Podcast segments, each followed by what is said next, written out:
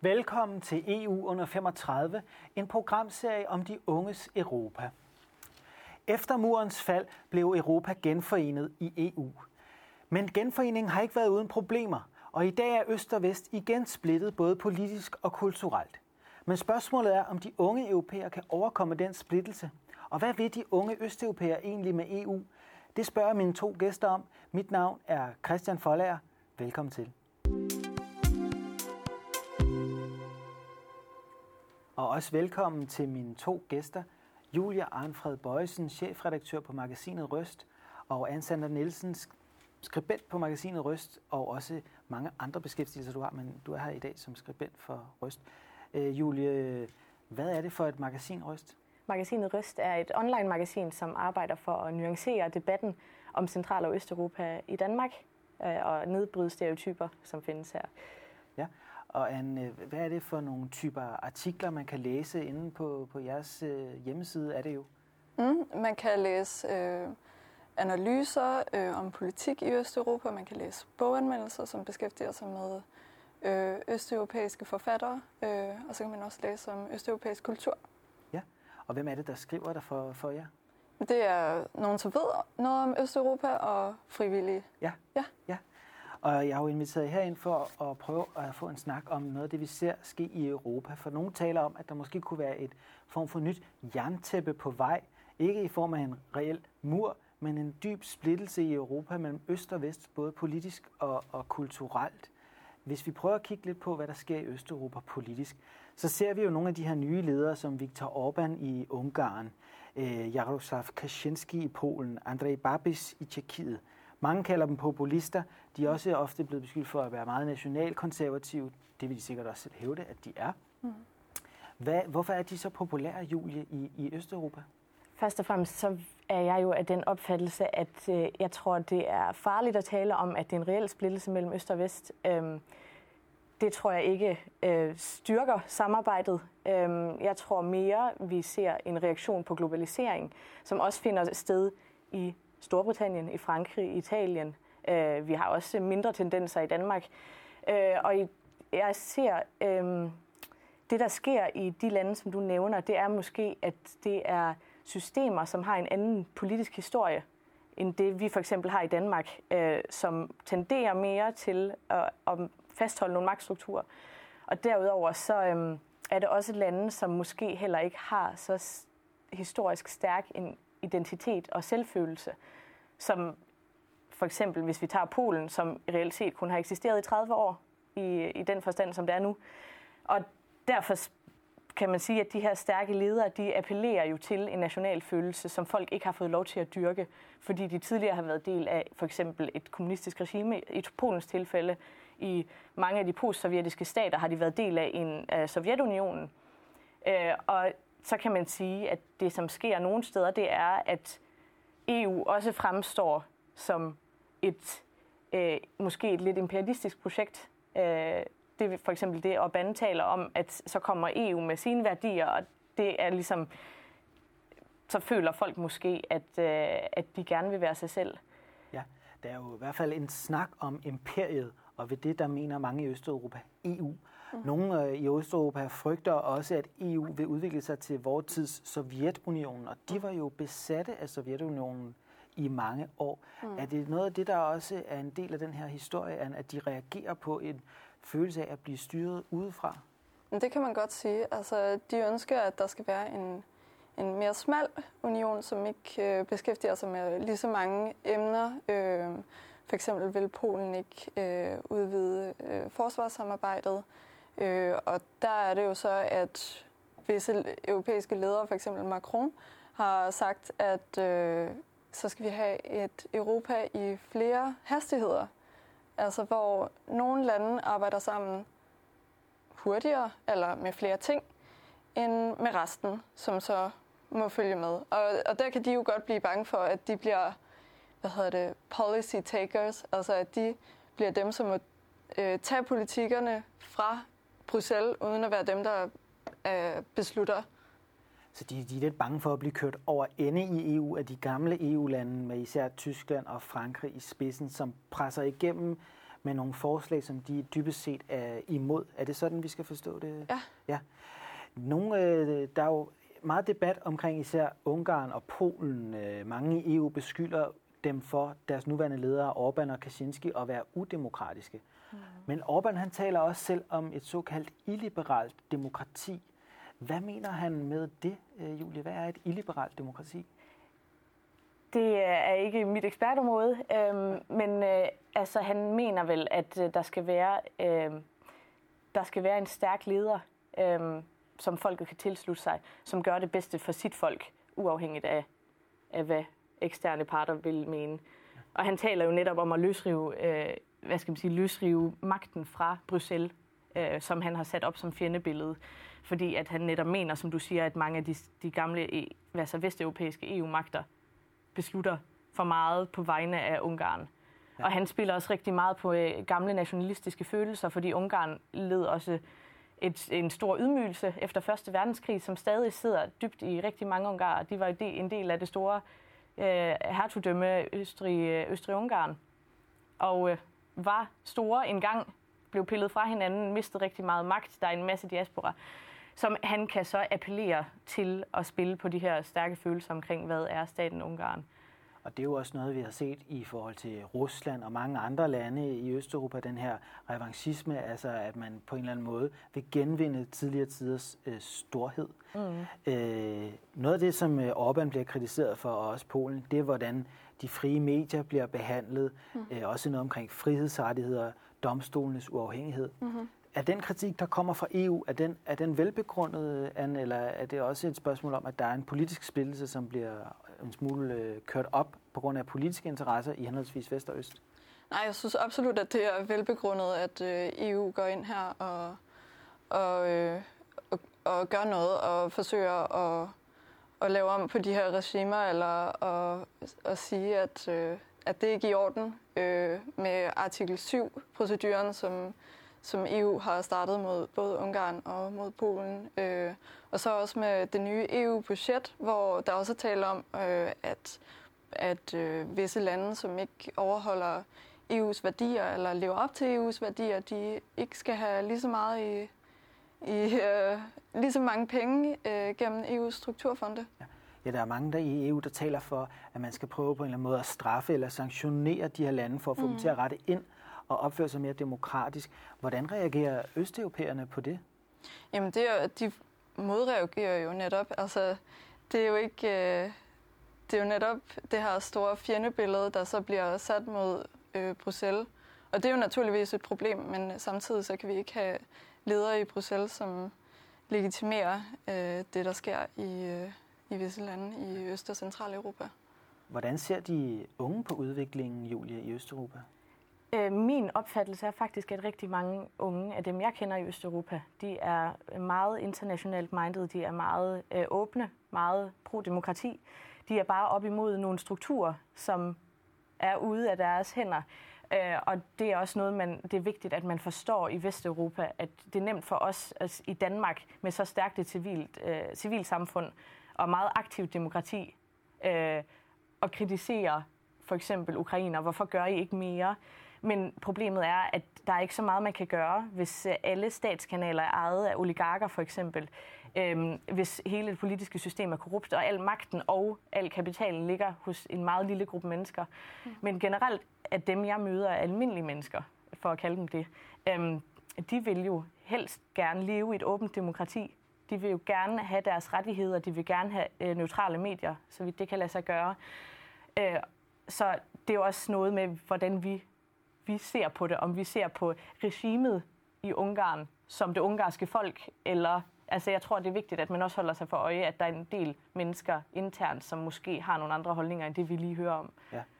Efter murens fald, så var der jo rigtig mange i Østeuropa, der gerne ville leve som i Vesten og mm. tage vestlige værdier til sig, øh, og hungrede efter det under øh, be, øh, be, kan man sige, besættelsen fra, Sovjet, fra Sovjetunionen af. Øh, hvor de unge i dag, at aspirerer de også efter øh, øh, at leve, ligesom vi gør i Vesten? Eller er den her nationalisme, der går frem, et udtryk for, at de også vil finde deres egen måde at leve på? Jeg tror, det er en, et udtryk for, at de gerne vil finde deres egen måde at leve på. Men øh, samtidig så ser vi også øh, en stor brain drain øh, mod vest, som er et stort problem for, at vi, vi kunne få nogle bedre regimer øh, i Øst- og Centraleuropa. Men øh, samtidig så er der altså også rigtig mange øh, unge, der er villige til at gå på gaden øh, og demonstrere for de ting, de tror på i Øst, så det ser ikke kun sort ud at Noget af splittelsen i EU, den handler jo ikke kun om politik. Der er også mange, der taler om en splittelse i forhold til vores værdier og kultur. Vi ser jo, at de konservative dominerer mere i Østeuropa, end de gør i Vesteuropa.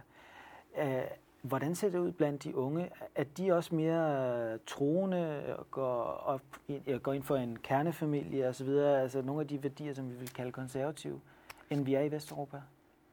Det synes jeg er lidt svært at generalisere på, sådan, øh, fordi også hvert land i Østeuropa er jo en unik case, og det skal man også have i mente, så det er ret svært ja. at generalisere på tværs. Det, Polen har ikke været en del af Sovjetunionen. Øh, hvad skal man sige, måske de facto, men ikke sådan reelt. Øh, Ungarn har slet ikke været. Øh, der er mange ting, som, som gør det svært at sådan sammenligne på den måde. Øh, jeg tror, at der er folk med forskellige holdninger, ligesom der er herhjemme. Øhm, man kan jo også godt se, at, at i Vesteuropa har der jo også været en højere drejning af politik, og nu ved jeg ikke, om man skal sige, at konservativt altså er højere drejning på den måde, men i forhold til altså, religion og sådan noget, så kan det godt være, at det er ved at komme lidt tilbage blandt nogen, fordi at der er et behov for at dyrke det som en del af en, en kulturel øh, arv. Men jeg tror, der er lige så mange, der er meget, hvad skal man sige, øh, åbne og, og sekulære og lever et meget internationalt liv. Øh, og et, alle, som jeg kender øh, i Østeuropa, de, de lever ligesom jeg gør. Altså, så, så det er lidt, hvor man kigger hen, tror jeg om man ja. kigger på by eller land, det spiller også en rolle. Mm. Lige præcis. Uddannelsesniveau spiller en rolle. Det er jo nogle af, nogle af de tendenser, vi ser i Europa, en splittelse mellem provins og storby, ja. mellem globalisme og nationalisme. Ja. Er det bare et udtryk for, at balancen i den her splittelse er, er, er anderledes i Østeuropa? Er det nogle andre der, der dominerer politisk? Men at splittelsen er sådan set den samme. Øh, hvad tænker du, Anne? Jamen, jeg, jeg tænker, som du siger, at det er en, en splittelse, som vi ser globalt, øh, en global trend, øh, man kan sige det sådan. Øh, om den er større i Østeuropa, det ved jeg ikke. Altså, der er også øh, liberale regeringer. Slovakiet har lige fået en liberal øh, kvindelig øh, præsident. Så jeg, jeg ved ikke, om man kan generalisere på den måde. Men øh, selvfølgelig har Ungarn for eksempel en stor landlig befolkning. Øh. Et spørgsmål, der er centralt i EU, det var det, vi snakkede om omkring sanktioner. De østeuropæiske lande, de har jo organiseret sig og samarbejder i noget, de kalder Visegrad øh, alliancen. Øh, Julie, kan du prøve at sætte nogle ord på, hvad, hvad er det for en type alliance i EU? Altså, det er vel et, øh, et slags regionalt samarbejde, kan man sige, med nogle lande, der øh, ser sig selv som øh, partnere baseret på værdisæt og historie. Øh, så ja, det, de holder møder sig imellem, øh, og er en lille gruppe, kan man sige, under EU. Øh. Ja. Øh, er, er Visegradlandene, kunne de på sigt blive mere magtfulde? Er der nogle strategier, de kunne forfølge for at prøve at bryde den der fransk-tyske akse? Altså Polen er jo for eksempel et øh, stort land, øh, som måske kunne blive meget indflydelsesrig i EU på sigt. Øh, Egentlig så tror jeg ikke, at øh, Visegrad-landene øh, nødvendigvis kommer til at stå sammen øh, i fremtiden. Øh, de har været enige om en række øh, emner, såsom migration, men de er ikke enige om alle ting. Øh, så, så derfor så tror jeg ikke, at vi ser, at de kommer til at, at stå sammen altid. Netop migration er jo et tema, der virkelig splitter. Orbán han byggede under øh, flygtninge- og migrationskrisen det her hegn. Det har han e- blevet enormt populær øh, på at have gjort i Ungarn. Og Østeuropa generelt afviser at tage imod flygtninge og migranter, og befolkningerne støtter det. Hvad, hvad, kunne det have noget at gøre også med den her nationalisme, Julie, at de simpelthen ikke ønsker at tabe deres land? Øh, og de ser en trussel komme udefra? Jeg tror rigtig meget, at det her, som sagt, handler om narrativer øh, fra alle sider. Og jeg tror meget at det narrativ, der kører, det er, at hvis vi gør, som de vil i EU, øh, så bliver vi nødt til at tage alle mulige mennesker ind, og vi vil miste kontrollen, og vi vil udvande vores kultur. Øhm, men igen, så er det jo selvfølgelig, man skal heller ikke give Ungarn den, at alle støtter Viktor Orbán. Det vil jeg også sige var måske lidt groft. Jeg ved, at der er ret stærke kræfter som i Ungarn, som kæmper mod, mod det. Men i forhold til øh, skepsisen mod øh, andre mennesker, øhm, så er det jo også noget, som, som kommer af blandt andet af, sådan, af historien, at man har været en del af, altså Sovjetunionen var jo også meget omkring øh, den rene, altså sådan den rene slaviske sovjetborger. Øh, øh, og det er jo en ting, og så er den anden ting netop også det der med, øh, hvis der nu kommer nogle andre ind, bliver vi så nødt til at lægge vores vaner om, fordi vi har jo nærmest lige fået lov til at, at udleve dem sådan, som vi vil. Mm. Øh, men jeg tror også, hvis i Victor Orbáns tilfælde, øh, man skal ikke se bort fra, at han bruger det, han kan af, øh, hvad skal man sige, propaganda øh, og fjendebilleder i medierne til at skræmme befolkningen, fordi de tal, han slynger ud, det er jo ikke nogen rigtige nogen. Det er jo ligesom i Brexit-kampagnen. Det er, jo, det er jo fake news og misinformation, som bliver brugt til at skabe opbakning. Så det skal man også virkelig have i mente, når man taler om det her, fordi det er steder, hvor information ikke flyder frit. Øh, og jeg tror, det gør også, at man bliver mere bange, fordi man får i tale sat migrationsstrømmen øh, som en kæmpe trussel mod det nationale, altså den, den nationale identitet. Mm. Hvis I lige er kommet med derhjemme, så er vi i gang med at tale om splittelsen i EU mellem øst og vest. Og jeg har inviteret jer herind i EU, beskæftiger jer med det. Anne, nu har vi lige snakket lidt om øh, migrationskrisen. Helt central konflikt i EU i disse år. Mm. Det er jo så spørgsmålet om, hvad man skal gøre. Tyskland har foreslået flygtningekvoter, altså at man skal fordele flygtningene solidarisk inden for EU. Mm. Det modsætter de østeuropæiske lande sig. Og det er faktisk populært i Østeuropa, at man gør det. Kan den her splittelse i det spørgsmål gå hen og gøre EU meget upopulært i Østeuropa, fordi de føler, at det bliver påtvunget det her? Altså, det er jo øh, et emne, som var meget stort i 2015-2016. Øh, og det er stadigvæk et stort problem, at, at EU ikke kan blive enige om, hvordan man skal reformere Dublin-systemet. Øh, som er det her system for, hvordan øh, man øh, håndterer flygtninge. Netop, ja. netop. Øh, men jeg tror ikke, at det kommer hen og splitter EU ad. Øh, det tror jeg ikke. Nej. Noget, noget i forhold til øh, migrationskrisen, det er jo også spørgsmålet om multikulturalisme. Det er noget, mange vestlige ledere hylder, ideen om, at man skal have et samfund med mange forskellige kulturer og religioner. I Østeuropa ser de anderledes på det, Julie. Hvor, hvorfor? Det er et godt spørgsmål, og jeg stiller også lige spørgsmålstegn til, om, om de vestlige lande nu også hylder det så meget, for jeg vil sige, ja, lederne, at jeg, ja. lederne, ja, fordi man kan sige, der er jo der er netop, som Anne sagde øh, tidligere, at der er en måske en global tendens, som jeg tror er en reaktion på internationaliseringen og globaliseringen, at den her altså, fluktuation af information og mennesker og arbejdskraft og penge, den gør altså også noget ved øh, folks identitet. Og pludselig bliver folk meget opmærksom på, hov, hvad er det min identitet, og hvad er mit egentlig? Og det er jo også det, der sker i Vesteuropa, i Sverige sidste år. Ikke? Altså sådan, at der er nogen, der fokuserer rigtig meget på, hvad er vores identitet, øh, og så holder fast i den. Og jeg tror, det er det samme, der sker i de lande i Østeuropa, hvor det er et problem. Noget af det, der også præger Europa, det er spørgsmålet om den frie bevægelighed. Mm. Og det er især en fri bevægelighed, som mange i Østeuropa udnytter, særligt unge. Og det her program, det handler om de unge europæere. Mm. Hvordan har det påvirket de østeuropæiske lande, at så mange unge er taget til Vesteuropa? Anne? Jamen, jeg, jeg mener, at det har påvirket dem negativt i nogen grad. Altså, det er mange af de veluddannede, der tager mod vest. Øh, og der har også været øh, nogle tiltag for at stoppe det. Altså, øh, den øh, rumænske øh, finansminister har for eksempel udtalt, at man skulle prøve at begrænse migrationen mod øh, vest. Men samtidig så ønsker de her lande også, at, øh, at øh, EU ikke skal reformere øh, systemet, øh, arbejdstagersystemet i de vestlige lande. Altså at det, vi kalder social dumping, øh, ikke øh, skal kunne ske længere. Ja, altså social dumping mener du, at de underbyder, eller de bliver beskyldt for at underbyde vores arbejdstager Netop. øh, og tage nogle meget lave lønninger. Ja.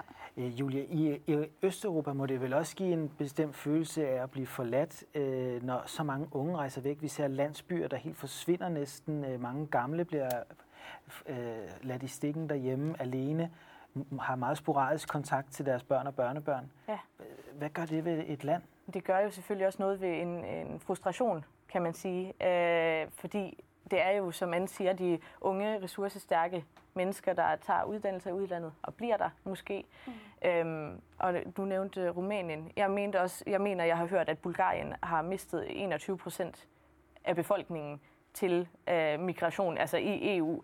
Øhm, det er jo massiv brain drain, og det vil sige, at de har jo ikke de ressourcer i landet, som, som kræves, som du netop siger. Og det er jo klart, så efterlader man jo så et land øh, uden arbejdskraft og uden kompetencer, og uden en fremtid egentlig, fordi hvis, hvis kun altså en tredjedel af de unge forsvinder, så er det alligevel ret alvorligt, kan man sige, for de næste 20 år i det land.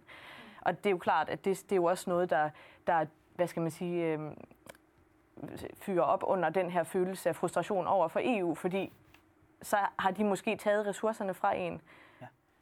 Jeg har jo rejst meget i Østeuropa og har meget at gøre med unge østeuropæere.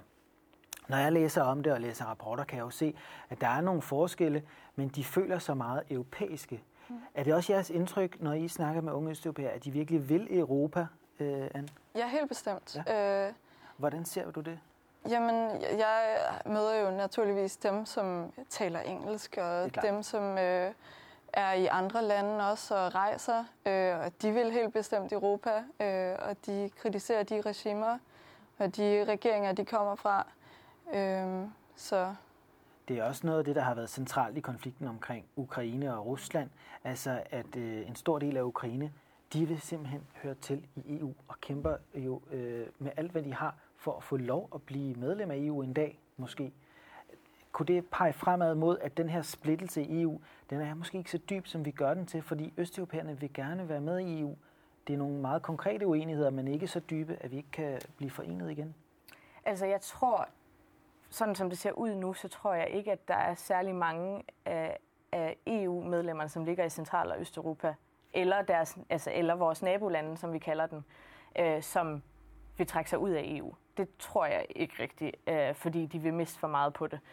Øhm, når det er sagt, så øh, tror jeg også måske, at, at måden, hvor vi skaber en splittelse på, det er også ved at i talesætten, kan man sige. Og hvis, hvis de vestlige lande i EU bliver ved med at tale om, at, at de østlige lande, i stedet for den specifikke case, øhm, altså, skaber modstand mod EU, så tror jeg også, der ligger et problem der. Øhm, og man kan sige, man skal heller ikke øhm, se på regimerne som folket. Man kan sige, der skal være nogle sanktioner mod de her regimer, som trækker i en retning, hvis de forbryder sig mod nogle altså, hvad skal man sige, anerkendte værdier og love. Øh, og så på den måde opbak, øh, skabe opbakning til befolkningen. Men jeg tror ikke nødvendigvis, at der er så dyb en splittelse. For eksempel i Ukraine, meget af frustrationen blandt unge, også der, at de få, der bliver tilbage i Ukraine og ikke søger vestover, det er faktisk, at de ikke får lov til at være Ukraine på sine præmisser. Altså nu føler de føler netop, de er virkelig i klemme mellem Rusland på den ene side og EU på den anden side, som også har kæmpe store geopolitiske interesser.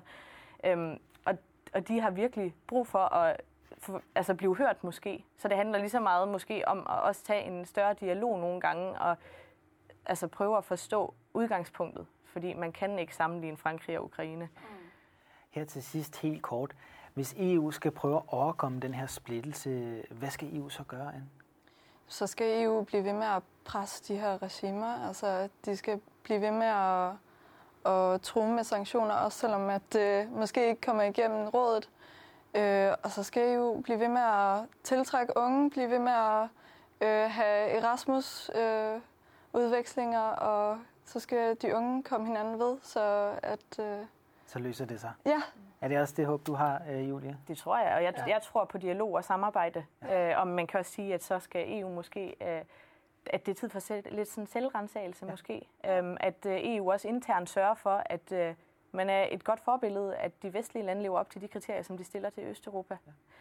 Det Men lad os håbe, at I får ret, og at vi ikke får et nyt usynligt jerntæppe i Europa. Jeg vil sige tak, fordi I kom, øh, Julie og Anne, og tak til seerne derhjemme for at se med. Vi ses.